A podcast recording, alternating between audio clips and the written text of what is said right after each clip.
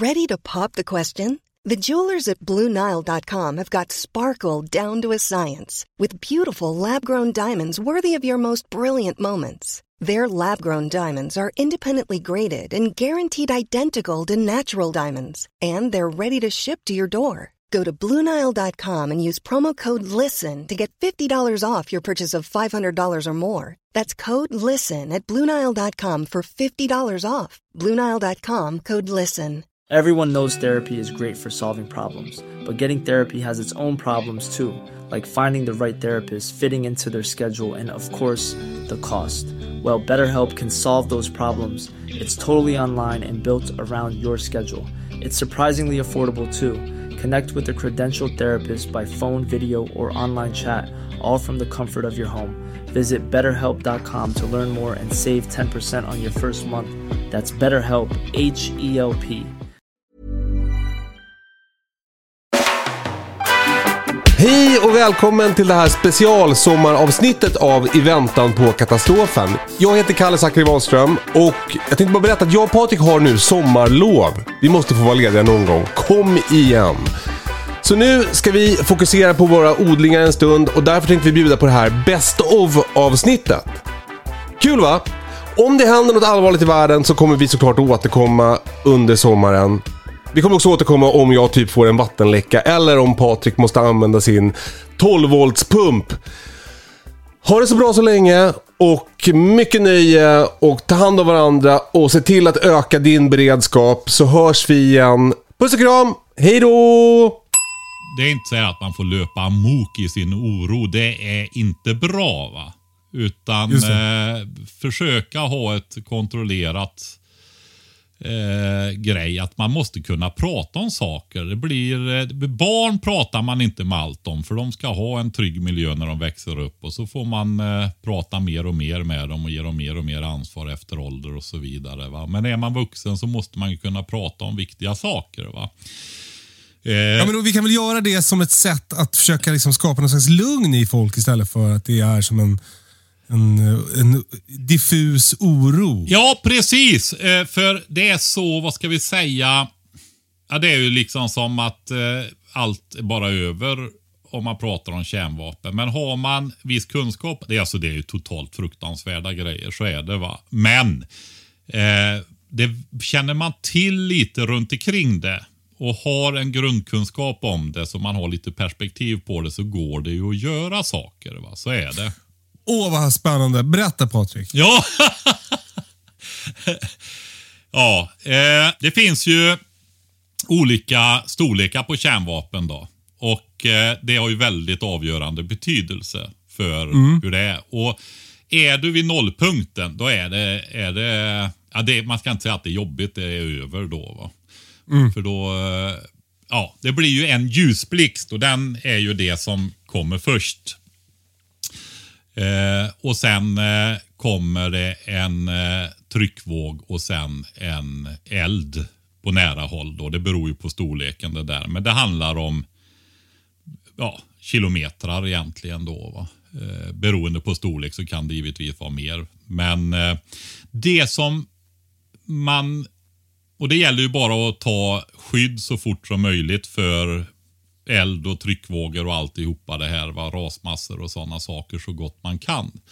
Det. Eh, det, det är så. Men det mesta som folk kommer att drabbas av det är endera av två saker.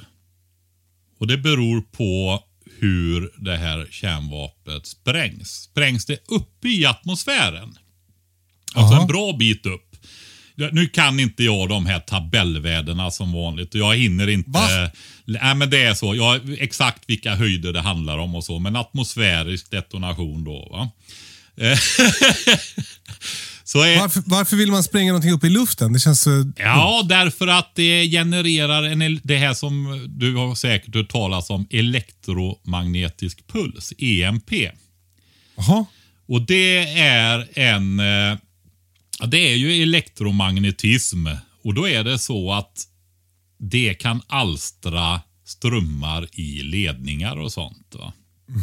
Generera strömmar. Alltså om du har kretskort, digitala system även kraftledningsnät och sådana saker, så kan det bli så kraftiga strömmar i det här så att det bränner sönder. Så all el som inte är extremt skyddad med speciella grejer och så vidare fördärvas. Alltså, så det är ett sätt att inte förstöra en stad, men däremot förstöra all el i staden. Ja, fördärva infrastruktur, då är vi ju där att ingenting fungerar. Va? Och enorma renoverings och reparationskostnader om, och så. Det låter ju ganska, alltså, jag kanske inte ska säga smart. Det låter ju listigt.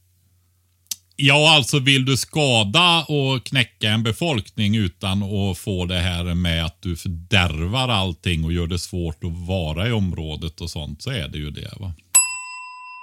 Det andra är ju en markbrisad då. Och då är det, om det är storleksordningen 50-100 meter över eller någonting sånt, relativt nära marken i alla fall. Det är ju då man får de här molnen, den här svampen som man ser på filmer och sånt där. Armageddon-filmer och, och sånt där.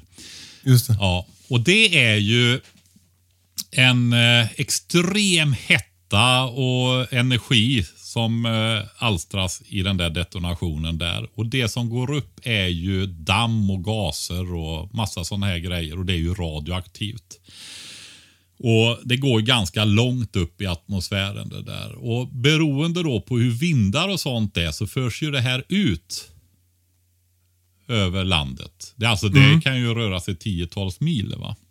Alltså ja, tio i extrema olyckliga fall med stora bomber och extremt olyckliga väderförhållanden och sånt så kanske du dubblar det där. Eh, nedfall, radioaktivt Ja, det är nedfall. det man kallar nedfall. Ja, radioaktivt nedfall. Det blir som ett damm, alltså att du... Ja, från att det liksom snöar ute. Ett sätt då, om man inte har mätinstrument och så vidare där, det är ju att lägga skiva ute på backen och se om det faller ner damm på den. En vit skiva då. Va?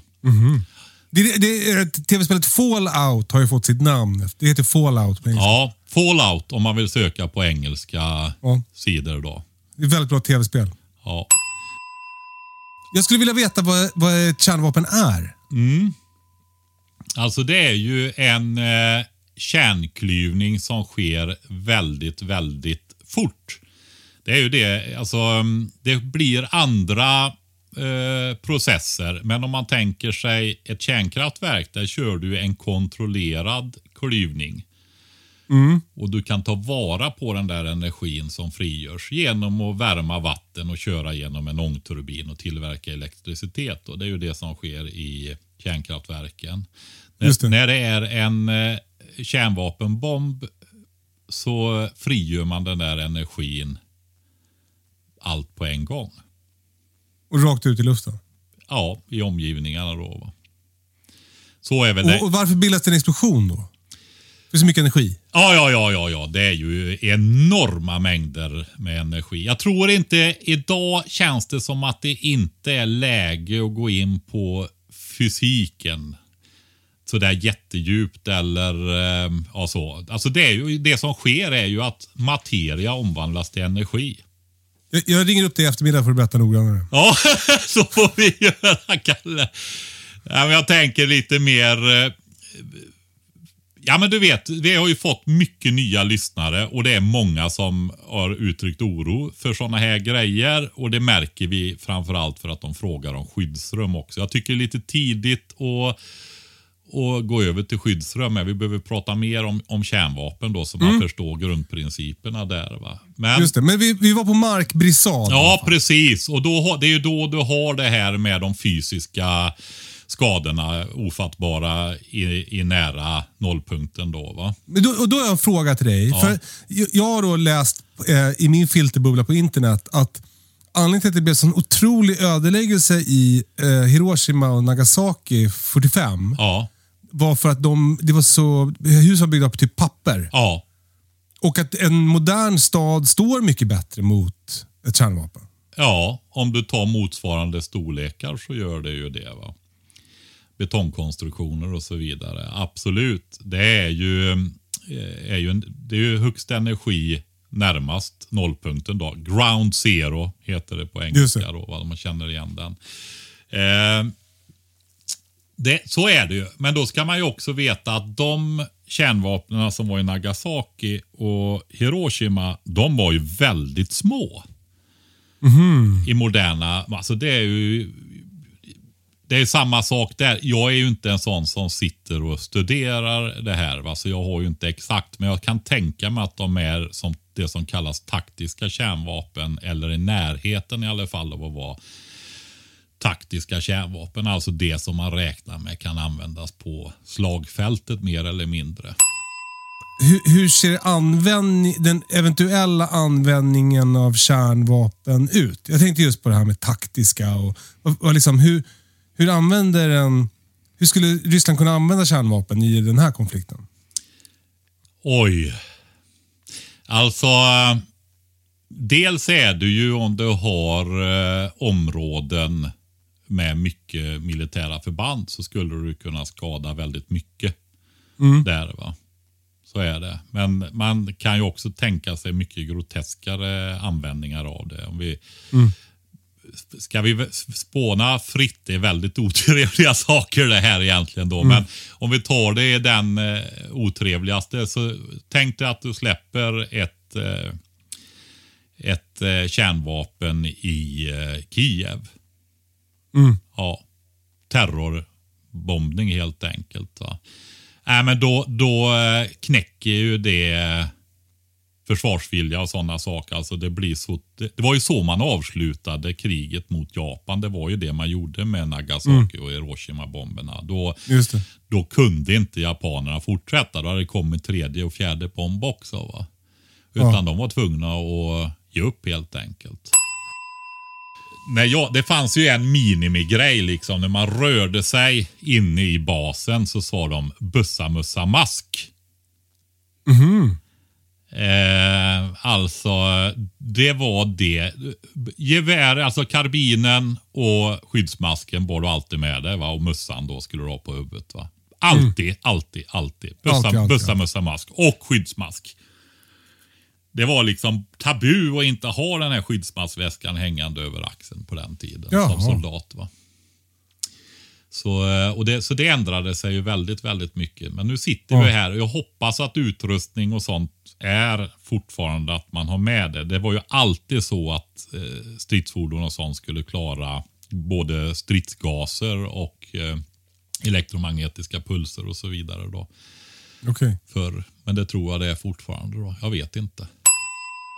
Är det alltid, eh, eh, används kärnvapen alltid från flygplan? Nej, nej, nej. Kan nej. de titta på en sån här Iskander-robot också? Absolut, det går att skjuta med artilleri också. Ryssland har ju mycket materiel och sådana saker. Och det gäller bara både konventionell materiel. Antal stridsfordon och sånt där är ju högre än vad till exempel USA har.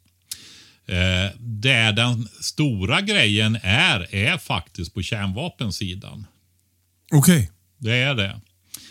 Eh, jag har för mig att det är 5000 stridsspetsar i Ryssland ungefär. Och det är ju så att när du skickar iväg en robot så kan den ju ha flera stridsspetsar som delar på sig sen och går mot olika mål. Va? Oj. Men 5000 stridsspetsar då. Och jag tror att USA har aktiva 1500. Och dessutom så är ju Ryssland större då. Va? Sen har vi ju Frankrike och Storbritannien också, men eh, jag vet inte hur mycket de har. Utan det var en jämförelse mellan eh, Ryssland och, och USA jag såg då. Va? Eh, Ryssland har 6370. Ja, USA har 5800. Ja, men sen det som är med USA, det var jag så aktiva där. Tydligen är det så att de har i, i arkivet, i förråd helt enkelt. Och det tar tid att få ordning på dem då. Va? Står det någonting om det eller? Alltså står längst in i garderoben. Ja, typ. Typ. Men ja, Eh, eh, Frankrike har 300, Kina 290, Storbritannien 215, Pakistan 150, Indien 130, Israel 80 och Nordkorea tros ha 20 kärnvapen. ja. Men det ser man ju att det är, det är just Ryssland och USA som har den stora mängden i alla fall. Då, även om, om det är som jag sa att det är en, en eh, begränsad mängd som är aktiva då. Ja, nu, nu har jag hittat en siffra över aktiva Ja, stridsspetsar. vad står det där då? Då är det USA 1952 stycken, Ryssland 1910 stycken. Okej.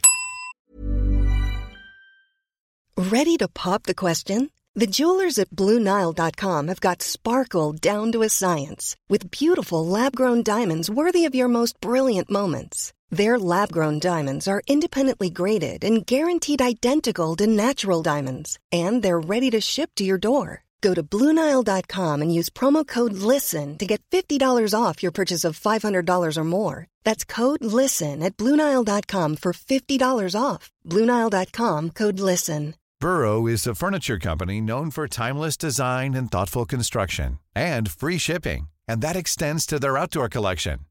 Their outdoor furniture is built to withstand the elements, featuring rust-proof stainless steel hardware, weather-ready teak, and quick-dry foam cushions. For Memorial Day, get 15% off your Burrow purchase at burrow.com slash ACAST and up to 25% off outdoor. That's up to 25% off outdoor furniture at burrow.com slash ACAST. Everyone knows therapy is great for solving problems, but getting therapy has its own problems too, like finding the right therapist, fitting into their schedule, and of course, the cost. Well, BetterHelp can solve those problems. It's totally online and built around your schedule. It's surprisingly affordable too. Connect with a credentialed therapist by phone, video, or online chat, all from the comfort of your home. Visit betterhelp.com to learn more and save 10% on your first month. That's BetterHelp H E L P. Det är ju som sagt det som kommer att drabba de största områdena. Och Det som är jätteviktigt att veta då, för vi har ju liksom erfarenhet av det här med kärnkraftsolyckor och sånt där och Tjernobyl. Och det, det är ju där nere i till och med de södra delarna av Ukraina tror jag. Eh, där är det ju så här att det är en eh, annan radioaktivitet som tar längre tid. Den radioaktivitet som kommer utav kärnvapen har väldigt snabb halveringstid. Okej, och halveringstid betyder? Alltså tiden för att strålningen ska halveras. Ja, Och eh, Det innebär att efter två dygn ungefär så har du en procent av strålningen kvar. är det fortfarande farligt då? Nej, kan vara totalt livsfarligt. Det beror ju på vad de 100 procenten var från början. Ja, Okej, ja, tack. Ja. Nej, men om du, om du tänker dig så här att du har en, en, det här nollpunkten då där detonationen sker. Och så blåser det i en vindriktning. Då får du ju liksom som en kon som går ut däråt och då kommer du ha väldigt hög radioaktivitet liksom i kärnan på den en bit ut och sen avtar ju det där och i sidorna och längdriktning så avtar det. Så de största ut- ytorna kommer ju att ha en kraftig strålning inledningsvis som kanske efter ett par tre dygn är nere på nivåer så att det inte är så farligt igen. Va? Medan i den här starkare kärnan i den här vad ska jag säga, avlånga ballongen som går ut då i vindriktningen. Där kanske du får vara i skydd en vecka eller mer då för att komma ner. Va? För, för det är ju så här, efter två dygn, jag tror det är, om man ska vara noga, att det är 49 timmar istället för 48, så är det 1% kvar. Det är tre typer av strålning i, i det här fallet. Då, det man kallar för alfa, beta och gamma. Och Alfa och beta det är partikelstrålning. Det är alltså eh, atompartiklar. Alltså de har en massa. De har, en, de har en tyngd och så vidare. Va? Så de faller ju ner också. Eh, de har väldigt kort räckvidd. De här partik eh, partiklarna då. Innan de ramlar ner på marken. Nej, om du har dem på dig. Så de som är äldre Jaha. och gjorde värnplikten på den, den gamla tiden under kalla kriget. De fick ju lära sig sådana här grejer som tät klädsel. Just det. Man eh, satte på sig eh, byxholkar, långa regnkappan, fällde ner hjälmdoket som slöt tätt och tajtade till allt, hade skyddsmasken på sig och såg till att hjälmdoken, så man var helt inklädd och man hade handskar på sig också. För de har så kort räckvidd så de går alltså inte igenom de här kläderna. va. En Utan, fis kunde ju överleva i en sån där dräkt i flera veckor. Ja, det tror jag. Det tror jag. Som tur var så slöt ju masken eh, tätt Ja, runt ansiktet där, så det räddade upp situationen. Sen luktar man väl så efter ett tag där så att eh, den där fisen den flyter liksom in i mängden. Förlåt. Jag försöker lyssna. så är det. Just det, för att tät klädsel skyddar mot de här partiklarna. Alfa och beta.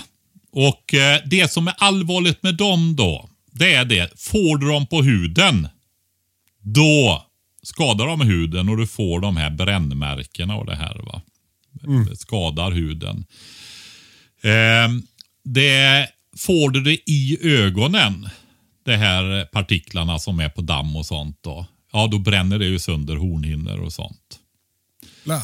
Och sen har du det eh, väldigt allvarliga, det är ju om du andas in det här, då får du ju det ner i lungorna och då skadar det ju lungorna också. Va? Och då ser du ganska fort att det är ju där vi hade de här skyddsmaskförråden som de fördärvar 2013. 7,5 miljoner skyddsmasker. Va? Det är ju just för att kunna hindra att du får det här i ögon och andningsorgan. Så att du kan ta dig ut ur områden och så vidare utan att bli utsatt för det här. Va? Ja. Så skyddsmasken är ju central just i det här sammanhanget. Då. Då- Just det.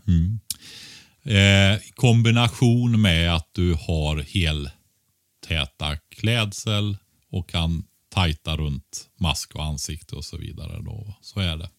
Men sen har du den tredje där. Det, alltså det, Gamma. ja, det jag ska säga också det är ju så här då. Om man ha- har man den här tät klädsel och så vidare och varit i ett område där det faller ner damm och tar sig ur det. Eh, så är det ju så att du har ju det ute på kläderna.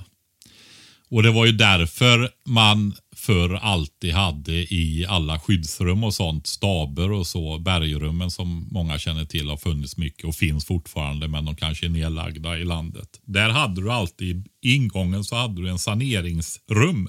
Där fick man alltså ta av sig kläderna, gå och duscha och sen fick du en ny omgång kläder som du skulle ha på dig inne i stabs ledningscentralen och så vidare. Då, va? Så att man blev, inte fick med sig det här in. Men får jag fråga bara då, alltså för alla oss som inte kanske har liksom militärens skyddskläder hemma. Vad, vad, vad, finns det några civila kläder som, som skyddar? Regnrock är bra eller? Ja, absolut. Och då är det ju kanske bästa är ju de gamla klassiska galonkläderna i så fall. Va? Och rejäla kängor och tjockare handskar och sådana här grejer där det inte kan rinna igenom så enkelt. Alltså allt som är vattentätt kan man tänka också skyddar rätt bra mot, mot alfa och betastrålning. Ja, det skulle jag säga. Sydväst. Jajamensan, men du ska, Ja. men du ska också ha det runt nacke och öron och, och den här biten också runt där tajt upp. Ja, men då, låt säga att man vill liksom eh, MacGyvera ihop några skyddskläder hemma. Då. Vad, vad ska man ta? Alltså, det, är det var jättebra att du sa sådär, va? för att det är ju så här, det går ju inte att få tag i skyddsmasker nu i princip. Va? Eh, jag tror de är nere och köper skyddsmasker från första världskriget, folk, alltså museiföremål nästan. Eh, och Grejen är ju så här att jag har ju berättat principerna där. va. Du har ju, det här är ju den här helmask, du vet som täcker hela ansiktet och så. Det var ju det man Men alltså, allt är ju bättre än inget. Alltså om du börjar med och har, du har några gamla skyddsglasögon och har tyg höll jag på att säga. Så begräns, Det begränsar ju vad du får i ansiktet. Alltså t-shirt, du, du, det är alltså som det absolut sämsta som ändå är bättre än inget. va. Ja, Alltså det är ju det här, ge aldrig upp. Laga Just efter läge och lös uppgiften. Finns inget annat så ta till det som finns. För det bättrar ju på dina marginaler. Det är det jag vill säga med det här. Inte säga att det eh, ersätter en skyddsmask. Va? Det är viktigt så det är bättre att ta liksom skaljacka och cyklop än att inte ha något alls? Ja, typ. Och så sky, skydda ansiktet med, med tyg eller någonting sånt där. Va? Hals, du vet, scarfar eller vad som helst egentligen. Va? Ehm, och sen har du ju det nästa sådana här grejer som har varit aktuellt under pandemin. Du har eh, N95, N100, alltså sådana här vanliga eh, filter, fiberfilter. Jag skulle säga till och med sådana här vanliga enkla munskydd är bättre än ingenting. va? Så, Såklart. Det, det som är är ju ögonen då, att man verkligen har bra. Men som du sa, det har jag faktiskt inte tänkt på själv. Eh, det är din kvicka hjärna där. Cyklo, cyklopet är ju perfekt. Eh, Då får du Ja. till och med ut ett större avstånd till ögonen. Ja, typ va. Eller om man har... Eh, alltså vanliga glasögon skyddar ju inte så bra utan det får ju vara någonting som tätar runt ögonen också. Då. Just det. Så är det. Och sen har du ju alltihopa det här med dammskydd, eh, partikelskydd, eh, halvmasker och sånt där när man slipar och håller på med olika grejer som finns på arbetsmarknaden då. Eller på eh, arbetsmiljömarknaden då. Va? Ja. B- Byggarbete, alla målare och allting använder ju sånt här. Va? Och skyddsglasögon och sånt. Det är bara att använda det som finns helt enkelt. Man, när man pratar så pratar man ju liksom om den specialanpassade skyddsutrustningen. Men ge aldrig upp, lag efter läge, lös uppgiften, jobba på och ge aldrig upp förrän det är över. Liksom, så, så är det. Och jag tänker med kunskap så kan man göra så bra det går utifrån förutsättningarna där. Va? Eller tänka Ja. igenom då. Eh, den sista där, om vi går till den då, gamma. Gammastrålningen. Ja, det är ju joniserande strålning. Jon, kommer du ihåg vad en jon var? Eh, en jon är ju en icke markägande... Men eh, jon utan H i början. Okej, okej. Ja, det vet jag inte. Nej, men det var ju en laddad, eh, laddad eh, molekyl eller atom. va? Och Det Ja. betyder ju då att det är en elektron som saknas. Eller Okej. extra elektron kan de ha också. De ville ju... Ah, vi fördjupar oss inte i det här med elektronskal och valenselektroner och sånt där. Men i alla fall, joniserande, det, alltså ultraviolett, du vet det här med solbränna och sånt där. Mm. UV-strålning är joniserande strålning. Okej. Och Det betyder att det är så mycket energi i strålarna så när de träffar en materia, en atom alltså. Materia består ju av atomer då. Så har den energi så den kan slå ur elektronerna ur atomerna. Och Det gör ju att det blir joner av dem. Det är därför det kallas för joniserande strålning. Då, va? Och det, det skadar ju då kroppen såklart. Va? Alltså, eh, menar du att om jag, om jag är ute i solen och blir solbränd så blir min hud joniserad? Ja, alltså det är därför du kan få, alltså eh, atomerna blir ju joner då. Det försöker ju, den slår sönder eh, huden alltså. Och det är ju därför du kan få hudcancer och så vidare utav för, Ja, ja, ja. för mycket solning då. Så är det. Och den bruna eh, färgen skyddar ju då. Det är ju därför du blir solbränd då. Jaha, det är så jag fattar. Mm. Du, eh, men hur, hur skyddar man sig mot den här gammastrålningen då? Ja, då är det ju så här att den är lite, lite otrevlig. Eh, för den går ju igenom saker. Runt, nej. röntgen är ju en eh, sån strålning. Jaha. Ja. Om jag inte är ute helt och cyklar så är det faktiskt typ gammastrålning också. Men det struntar vi i. behöver inte göra sådana här detaljutvikningar när jag inte är säker egentligen. Men det är typ samma strålning. Alltså den går ju igenom grejer. Och det, det är ju så här, komprimerar du hela planeten här, jorden. Den är inte många meter i diameter då. Alltså jag kommer inte ihåg 8, 10 eller 12 meter eller något sånt där. Alltså du menar att det här att det är mest eh, tomrum? Ja, det är ju det. va. Alltså Det är ju rätt konstigt att vi inte kan gå rätt igenom väggen egentligen. För det är ju nästan bara tomrum. va. Ja, Men det är stora och lilla kärnkraften kallas det. Som, det är alltså krafter som håller ihop eh, de här få eh, materiadelarna som finns i, i det. Då, va. Men då är det så här. När den här gammastrålningen kommer så är det så att den fortsätter ju ända till den verkligen stöter på materia. Och då måste man för att få stopp på de här strålarna ha så tät material som möjligt så att det stöter på någonting. Va? Och. Vad som händer då det är ju det att då slår den ur elektron där pang. Och så studsar den iväg i random riktning. Men med lägre energi. För det har ju gått åt energi för att stöta ut den där elektronen då. va. Ja, ja, ja. Och skapa den där jonen. Och så när jag stöter på någonting igen så händer samma sak. Den slår ut en elektron och får ännu lägre. Så stöter den på lite eh, atomer under materia under vägen genom ett material så har den inte mycket energi kvar till slut. Va? Okej. Är du med på grundprincipen? Grundtänket? Jag fattar precis. Bra. Eh, och det, inne, det, det som man eh, vet när man går till tandläkaren och ska eh, ta en röntgenbild på tänderna. Då lägger Ja. de ju en platta för halsen. Just det. Och det är en blyplatta. Den är ju väldigt tung den där. Va? Det är en Ja. blyplatta för att skydda sköldkörteln. Skulle jag Ja. Det är jag väldigt säker på. Ja. Ehm, och Så bly är ju superbra. Det är bland det tätaste vi har. va?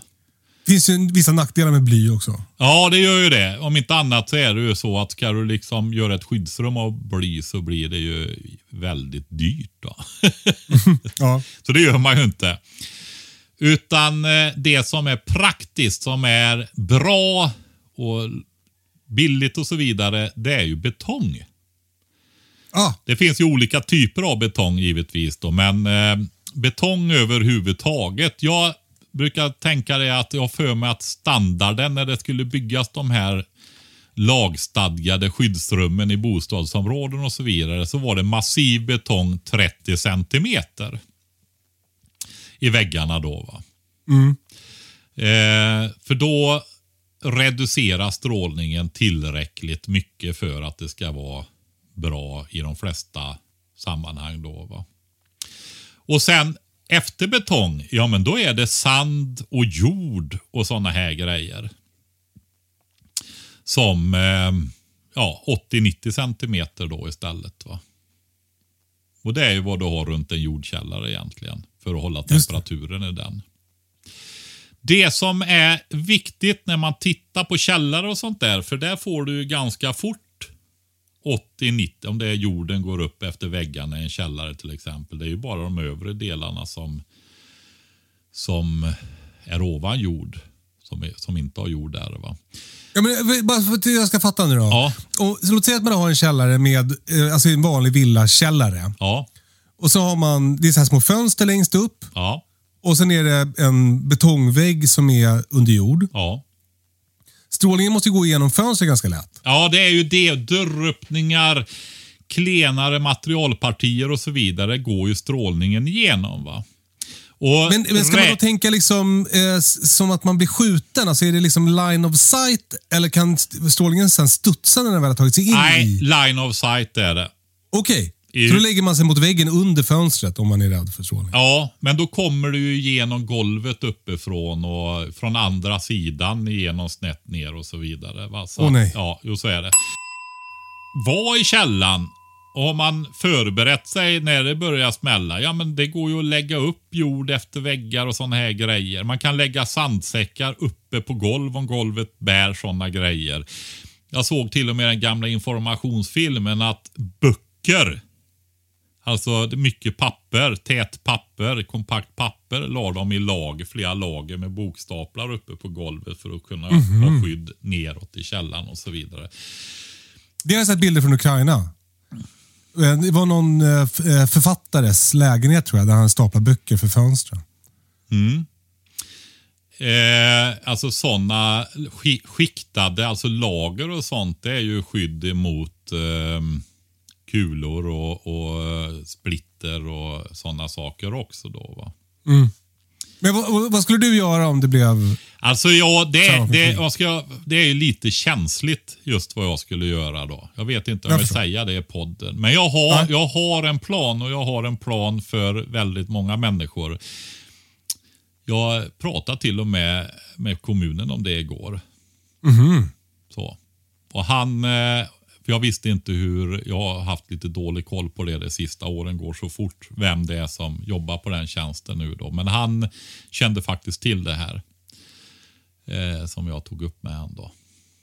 Men det, det, det är ju så då att eh, är det större utrymmen då så är det ju så här att um, Nej, men alltså om det är många människor som kommer in där och så behöver man sitta där ett antal dagar. Vi har ju varit inne på det här med toaletter och sånt där i lägenhetsområden och sopsäckar och sånt där. Tänk dig då skyddsrum och sånt istället där va. Mm. I flera dygn tätt. Eh, det är otroligt viktigt att sånt där förbereds och tänks igenom. Vad, hur ska situationen vara i de där skyddsrummen om de behöver användas? Va? Mm. Och Du vet eh, tre-regeln. Hur länge klarar du dig utan vatten? Mm. Hur är det att sitta, alltså vi säger ju tre dygn då, va? sen får du obotliga njurskador och dör ganska kort därefter. Då, va? Eh, men hur är det att sitta i ett skyddsrum då? Och veta att du måste sitta kvar där, du kan inte gå ut. Bland alla människor med all oro och, och allt som är där inne. Och en del mår verkligen inte bra ens av att vara, åka hiss. Va? Um, och så vet man inte vad som händer utanför och så får man ingen information och så kanske man känner folk som inte är med. Och så... Ja, alltså det, det är förskräckliga situationer. Va? Så är det ju. Va? Och um, ja, barn och sådana grejer som ska vara där inne och sånt där i den här miljön också som känner av alltihopa det här. Va? Så att det gäller att fungera. Va? Och det, det absolut mest nödvändiga det är ju det här med Eh, ettan och tvåan, alltså avföring och urin då. Va? Och eh, vatten. Så, eh, och sen är det ju det här att faktiskt kunna sova. Eh, sover man inte riktigt så bryts ju psyket ner väldigt fort och är det redan pressat då är det ju väldigt, väldigt, alltså att eh, man måste kunna vila också. Va? Så är ja. det. Och sen, eh, jag var ju med i kvällspasset här för några veckor sedan och eh, som bisittare kan man säga. Och då fick jag just den här frågan om vad man skulle ta med sig. Jag nämnde då även just det här med förströelse, avledning till barn. Mm. Speciellt mindre barn då. Eh, och Det är ju sådana saker som favoritleksaker, favoritsagoboken, har man en mobil som man kan hålla igång med en batteribank och så vidare så kan det vara de där favoritfilmerna som är nedladdade i mobilen. Mm. Det är... Um... Hörlurar kan vara bra också då så man slipper lyssna på to Thomas Tåg från 78 mobiltelefoner i skyddsrummet. Dygnet runt. Ett dåligt skydd är bättre än inget skydd. Och Man kan bättra på skyddet så mycket som möjligt. De största områdena som drabbas kommer att vara relativt svag strålning relativt där det är hög strålning i alla fall. Va? Där ett dåligt skydd kan ge dig de marginalerna att du faktiskt blir skyddad tillräckligt mycket. Så är det. Even when we're on a budget we still deserve nice things. Quince is a place to scoop up stunning high-end goods for 50 to 80% less than similar brands. They have buttery soft cashmere sweaters starting at $50, luxurious Italian leather bags, and so much more. Plus, Quince only works with factories that use safe, ethical, and responsible manufacturing. Get the high-end goods you'll love without the high price tag with Quince. Go to quince.com/style for free shipping and 365-day returns. Mom deserves the best, and there's no better place to shop for Mother's Day than Whole Foods Market. They're your destination for unbeatable savings, from premium gifts to show-stopping flowers and irresistible desserts. Start by saving 33% with Prime on all body care and candles. Then get a 15-stem bunch of tulips for just $9.99 each with Prime. Round out Mom's menu with festive rosé, irresistible berry chantilly cake, and more special treats. Come celebrate Mother's Day at Whole Foods Market.